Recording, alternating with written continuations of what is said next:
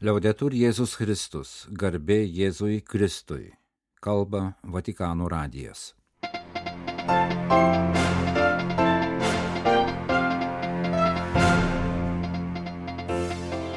Malonūs klausytojai, šioje pirmadienio spalio 23-osios programoje. Popiežius paskambino Junktinių Amerikos valstijų prezidentui. Prasidėjo paskutinė Sinodo asamblėjos darbų savaitė. Azijos kardinolo homilija Sinodo dalyviams. Sinodo dvasinio asistento ir teologo paskaitos asamblėjoje. Konferencija Romoje apie strategijas pagyvenusiems žmonėms integruoti.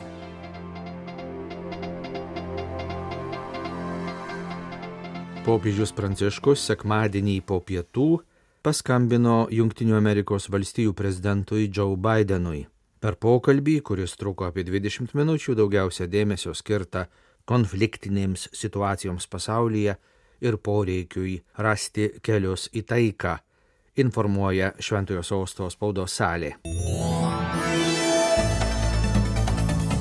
Žmoniją išgelbėti, pasauliui vilti taiką teisingumą sugražinti gali tik bendras visų tautų pasaulinis sinodiškumas, pažymėjo pirmadienį per sinodo dalyvių mišęs kardinolas Čarlzas Bo, Rangūno, Mianmaro sostinės arkivyskupas.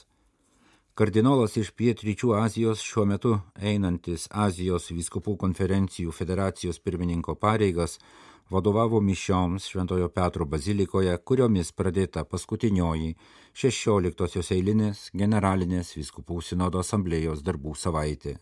Pilietinio karo niokojamo Mianmaro katalikų bažnyčios primas kardinolas Čarlzas Bo mišių homilijoje iškėlė sinodinio proceso iššūkių ateities kartoms svarbą, kartu kalbėjo apie padėtį savo tėvynėje. Anot jo, Niekur kitur Azijoje krikščioniškojo tikėjimo kelionė nesusiduria su tokiais išmėginimais kaip Mianmare. Mūsų mažoji kaiminė išsibarščiusi tiek dėl aplinkos katastrofų, tiek dėl žmogaus nulemtų krizių, kartu sukėlusių daugelypės nelaimės ir didžiulės kančias. Mūsų žmonės patiria egzodą, žmonės prarado namus, bažnyčias užgurivo didžiausias žiaurumas kryžiaus kelias tapo skaudžia tikrovė daug kur Azijoje. Per ašaras eidami sinodiniu keliu vis dėlto tikime, kad mūsų žaizdos bus pagydytos ir išauš naujas vilties taikos ir teisingumo rytas kiekvienai kenčiančiai tautai. Meldžiamės, kad katalikų bažnyčia, vadovaujama Pranciškaus, lydėtų visą žmonijos šeimą ilgame šio pasaulio ir visos planetos pagyjimo kelyje. Kardinolas Bo patikino, kad Dievas niekada neapleidžia savo tautos, nors mes gal ir jaučiamės netikri, koks yra mūsų gyvenimo ir tikėjimo kelionės galutinis tikslas. Sinodinė kelionė nėra iš anksto užprogramuota, matematiškai apskaičiuota odisėja kosmose. Dievas, pašaukdamas mus, tampa mūsų vadovu, mūsų kelio žemėlapiu ir mūsų bendražygiu sakė sinodo tėvams ir motinoms kardinolas Čarlzas Bo. Pažymėjęs, kad bažnyčia pašaukta vykdyti teisingumą ir įkūnyti sinodišką tikėjimo kelionę su įsitikinimu, kad Dievas niekada nenuvilia, kardinolas Bo patikino, kad dabartinėje sinodiškoje kelionėje ryškus santykių tarp skirtingų kartų žmonių matmuo, suteikiantis vilti visai žmonijai kad ir dabartinių pasaulinių neramumų akivaizdoje, kaip kad liudyje pastarieji įvykiai vakarų Azijoje, sakė kardinolas. Vienas iš didžiausių mūsų rūpeščių yra susijęs su paveldu, kurį paliksime ateinančiai kartai. Jų sąskaita pasiskolinome aplinką, o pavojus grėsia jiems priklausančiam palikimui, taikingesniam pasauliui su nepaliestu kūrinijos vientisumu sakė homilijoje Čarlzas Bo. Anot pamokslininko, mišių pirmajame skaitinyje Šventasis Paulius suteikia mums labai paprastą priešnodį, ragindamas tikėti Dievu, kuris trokšta žmogui vilties ir išgydymo kelionės ir suderinti savo svajonės su Dievo planu. Popiežius Pranciškus savo naujausiuose paraginimuose pažymi, kad žmogaus pavydas giliai sužeidė planetą, pažemino milijonų žmonių orumą. Šiuose dokumentuose yra kvietimas į trilypį susitaikymą žmonijai ir planetai išgelbėti.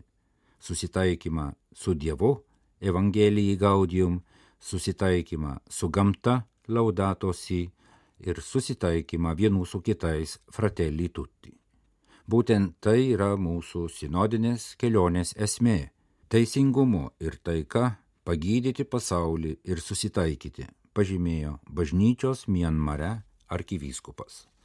Kalbėdamas apie bažnyčios Azijoje ateitį, žemynų episkopatų federacijos pirmininkas kardinolas Čarlzas Bo pripažino, kad bažnyčios tikėjimo kelionė Azijoje yra nelengva, bet pridūrė, kad sinodinis susitikimas stipriai įkvėpė žemynų tikinčiuosius žengti apaštalų evangelizavimo žemynę pėdomis, kaip savo ir su optimizmu priimti kvietimą, kad Azija taptų visuotinės bažnyčios sinodiškos kelionės įkvėptų 21 Kristaus amžiumi.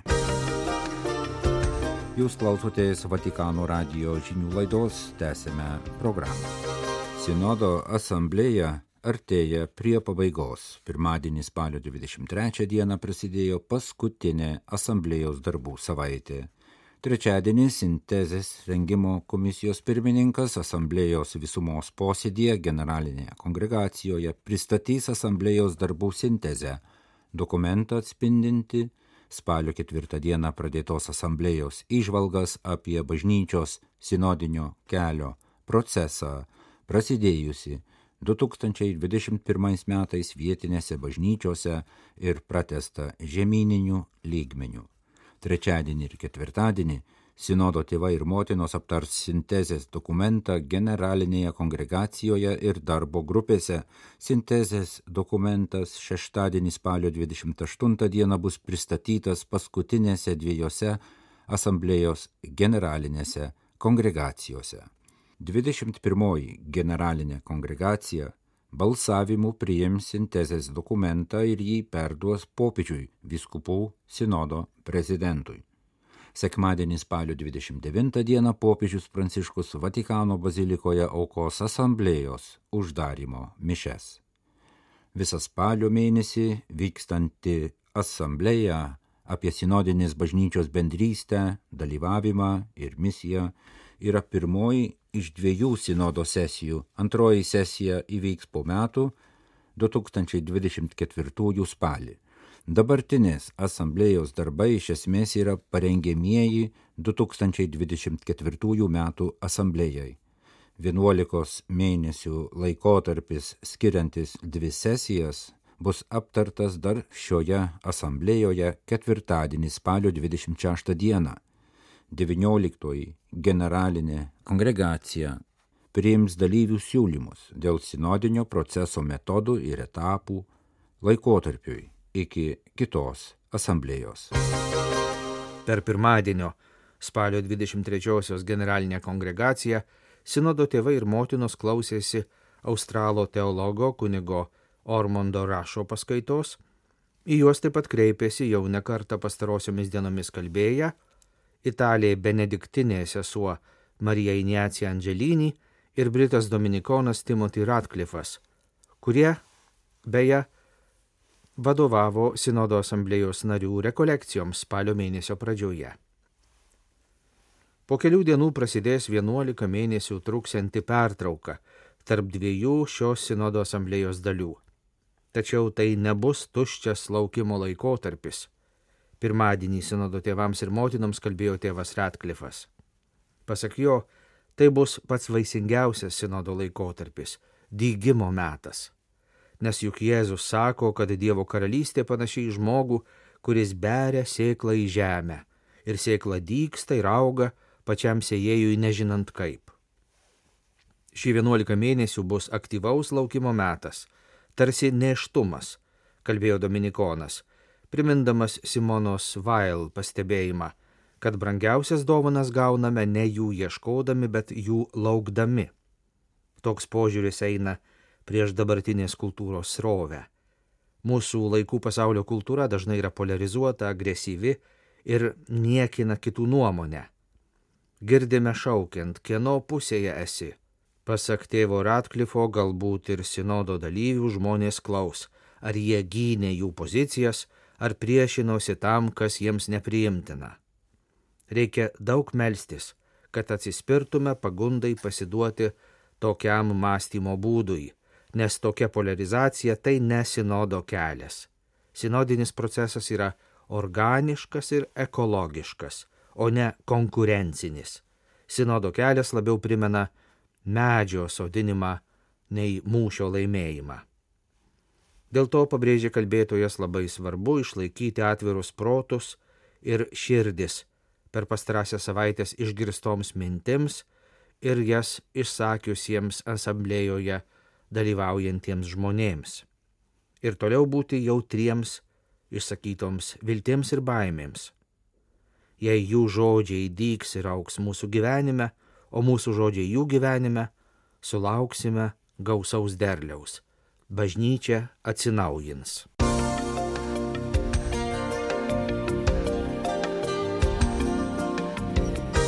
Kalba Vatikano radijas, malonus klausytojai, tęsėme žinių laidą. Paskutinės sinodo savaitės, skirtos iki šiol atlikto darbo sintezėjai pradžioje, pirmadienį, spalio 23 dieną, į asamblėjos tėvus ir motinas kreipėsi australas teologas kunigas Ormondas Rašas. Per pastarąsias tris savaitės sinodo posėdžių salėje kelti klausimai labai dažnai buvo susijęs su tradicijos savoka. Tai tas pats klausimas, kuris buvo ir vienas pagrindinių Vatikano antrojo susirinkimo diskusijų klausimų. Pasak teologo, iš esmės tai klausimas, ar turėjo bažnyčioje toliau galioti vadinamasis antimodernizmas, tai yra išskirtinumo, gynimos ir kitų smerkimo pozicija, ko ne neurotiškai neginti kiekvieną naujovę, o gal reikėjo, kad bažnyčia, imdamasi visų būtinų atsargumo priemonių, tikėjimui apsaugoti, atverstų naują puslapį ir grįžtų prie savo šaknų, pozityviai žiūrėtų į artimą ir į šiandieninį pasaulį. Vatikano antrajame susirinkime dalyvavęs Josefas Ratzingeris, vėliau apžvelgdamas vykusias diskusijas, rašė, kad įtampos priežastis buvo du požiūriai į tradiciją. Jis juos vadino statiškojų tradicijos supratimu ir dinamiškojų supratimu. Pirmasis yra legalistinis, įsakomasis ir atsietas nuo istorijos. Tai yra galiojantis visais laikais ir visose vietose. Antrasis - personalistinis, sakramentinis ir įsišaknyjas istorijoje. Pirmasis yra linkęs sutelkti dėmesį į praeitį, antrasis matyti praeitį įgyvendintą dabartyje, bet atvirą ateičiai. Tam apibūdinti susirinkimo konstitucijoje Dei verbum panaudotas gyvosios tradicijos terminas. Šiame susirinkimo dokumente pabrėžiama, kad apreiškimas yra ne tik tiesos apie Dievą ir žmogaus gyvenimą perteikimas, bet pirmiausia yra Dievo meilės perteikimas, susitikimas su Dievu Tėvu Kristuje per šventąją dvasę. Dieviškasis apreiškimas apibrėžiamas kaip nuolatinis susitikimas dabartyje, o ne kaip kažkas, kas įvyko praeitįje. Dievo pasiūlymas užmėgsti su juo santyki tebėra gyva tikrovė čia ir dabar. Tai nereiškia, kad galimas naujas apreiškimas, tačiau Dievas ir toliau bendrauja su žmonėmis ir nepaliaujamai veda žmoniją link naujų suvokimų, naujų klausimų ir naujų įžvalgų, įvairiose kultūrose ir vietose, kai tuo metu bažnyčia pasaulyje žygiuoja per laiką į ateitį, į galutinį tikslą. Todėl, pasak Josefo Ratzingerio, susirinkimo konstitucija Dei Verbum mums pateikia tokį prieiškimo supratimą, kuris iš esmės suvokiamas kaip dialogas.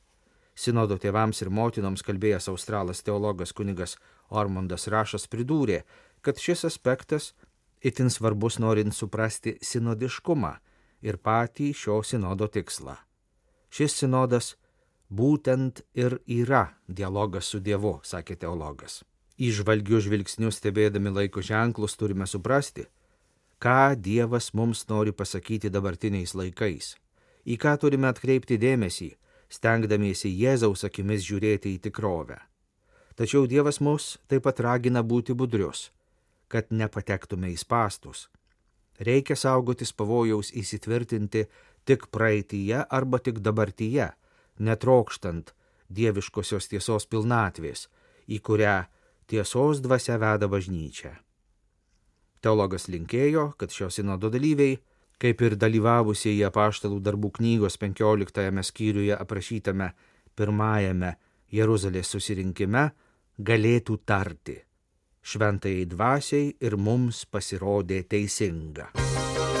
Turime pasiūlyti galimybių, dėl kurių verta gyventi, nes pagyvenę žmonės dažnai patiria didžiausią kančią - vienišumą sako kunigas Vincenzo Barbante, pristatydamas konferenciją apie galimybės sprendžiant vyresnio amžiaus žmonių poreikių problemas. Romoje vyko konferencija Silpnas pagyvenęs pacientas - strategijos kaip juo rūpintis kurioje diskutuota, kaip integruoti, skatinti, padėti pagyvenusiems žmonėms.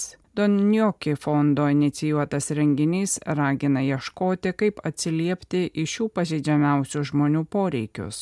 Kaip komentuoja kunigas Vincenzo Barbante, fondo slaugos institutų prezidentas, pagyvenę žmonės turi gauti tokią pagalbą, kuri leistų jiems išlaikyti orę gyvenimo kokybę.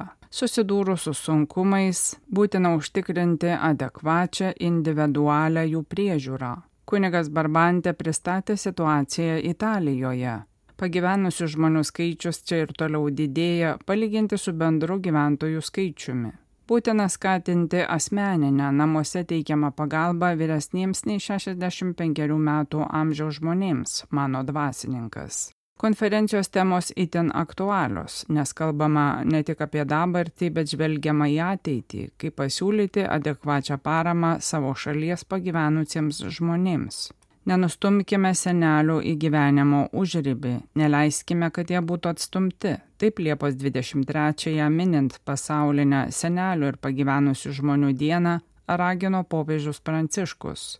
Kunigas Barbantė paaiškina, kaip galima įgyvendinti šį popiežiaus raginimą. Manau, kad pirmiausia turėtume skatinti kultūrinę revoliuciją. Šiandien turime sveikatos pagalbos, slaugos metodikas, leidžiančias pagyvenusiems žmonėms gyventi ilgą laiką. Tačiau problema ne tik tokia. Turime pasiūlyti vyresnio amžiaus žmonėms galimybės, dėl kurių verta gyventi. Labai dažnai, ypač dideliuose miestuose, pagyvenę žmonės patiria bene didžiausią kančią - vienišumą, apleistumą. Tokios organizacijos kaip Don Carlo Njoki fondas gali garantuoti pagyvenusiems žmonėms labai aukšto lygio priežiūrą klinikiniu terapiniu požiūriu. Tačiau vienatvės problema turi būti sprendžiama socialiniu lygmeniu. Don Njoki fondas, kunigo ir mokytojo Karlo Njoki iniciatyva įkurtas fondas. Pirmi namai įsteigti 1947-aisiais buvo skirti sunkiai kare sužeistiems vaikams ir našlaičiams. Jau 70 metų fondo veikla skirta ieškoti inovatyvių sprendimų, kaip atsiliepti į trapiausių žmonių poreikius. Kalba Vatikano radijas laidą lietuvių kalbą baigėme. Garbėjai Jėzui Kristui, liaudetur Jėzus Kristus.